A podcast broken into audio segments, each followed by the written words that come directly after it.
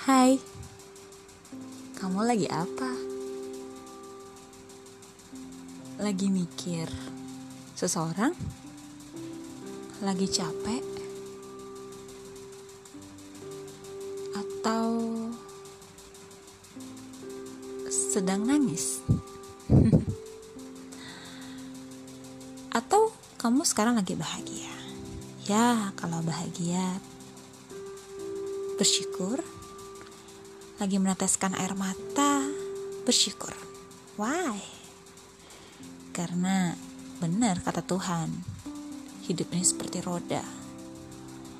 Mungkin kemarin kita ketawa terbahak-bahak.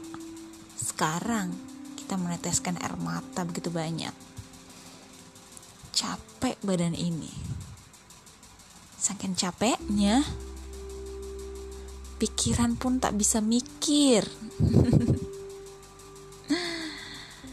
ya, inilah hidup teman.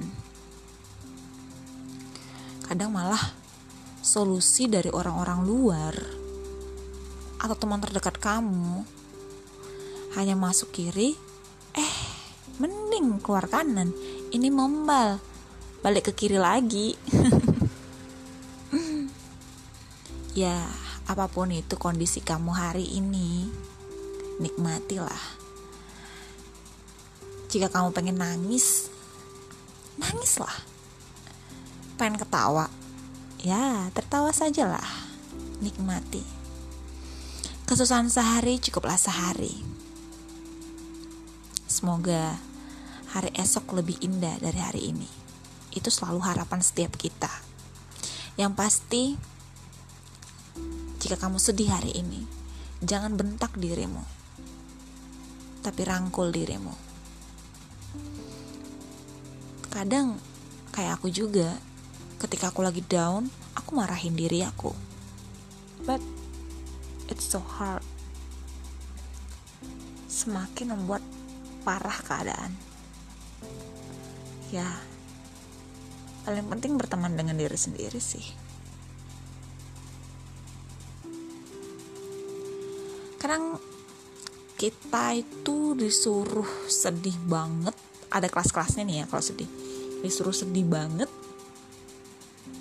Itu ada maknanya loh. Apalagi pas timing itu kita apa ya sendiri gitu. Kita tuh nyari mana nih orang-orang? Kok nggak ada yang nolongin aku? Mana nih sahabat aku? Kok nggak ada sih nolong aku? Mana sih orang ini gak mau ngertiin aku ibaratnya gitu. Kenapa sih kita bisa sedih? Karena kita ada naruh harapan terhadap sesuatu itu. Right? Ya. Makanya kita kecewa. Apalagi ibarat yang putus cinta. Kenapa kalau putus cinta tuh sakit banget? Sakit kit kit kit sakit banget. Berkeping-keping capek pikiran capek badan jiwa raga. Uh, capek plus plus deh. Kenapa? Karena kita naruh ekspektasi yang begitu besar sama pasangan kita. Dan tidak terjadi malah putus kandas dan tidak terjadi apa yang kita harapkan ya hancur lah sudah. Apalagi kita tuh ngasih cintanya tuh uh 100% Iya gak sih? But that's my that's life. Benar gak sih? Hal yang paling luar biasa adalah menertawakan kebodohan kita. Itu terjadi kan bisa terjadi karena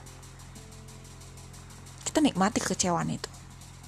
Kita nikmati kesedihan itu kita tidak keraskan hati dan pikiran kita. Ya.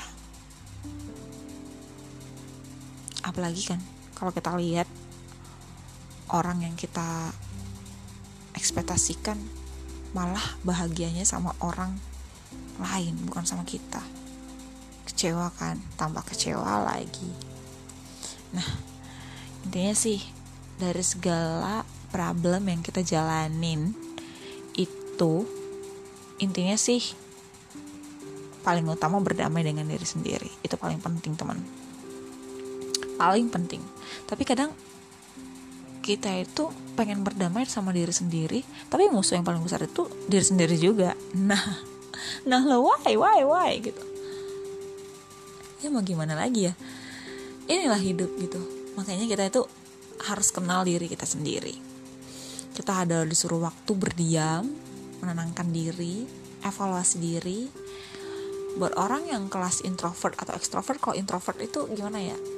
Energinya tuh didapat dari dalam ya ingin diri sendiri gitu. Dia bisa mengevaluasi gitu. Ketika capek pun dia sendiri pun di rumah it's okay no problem.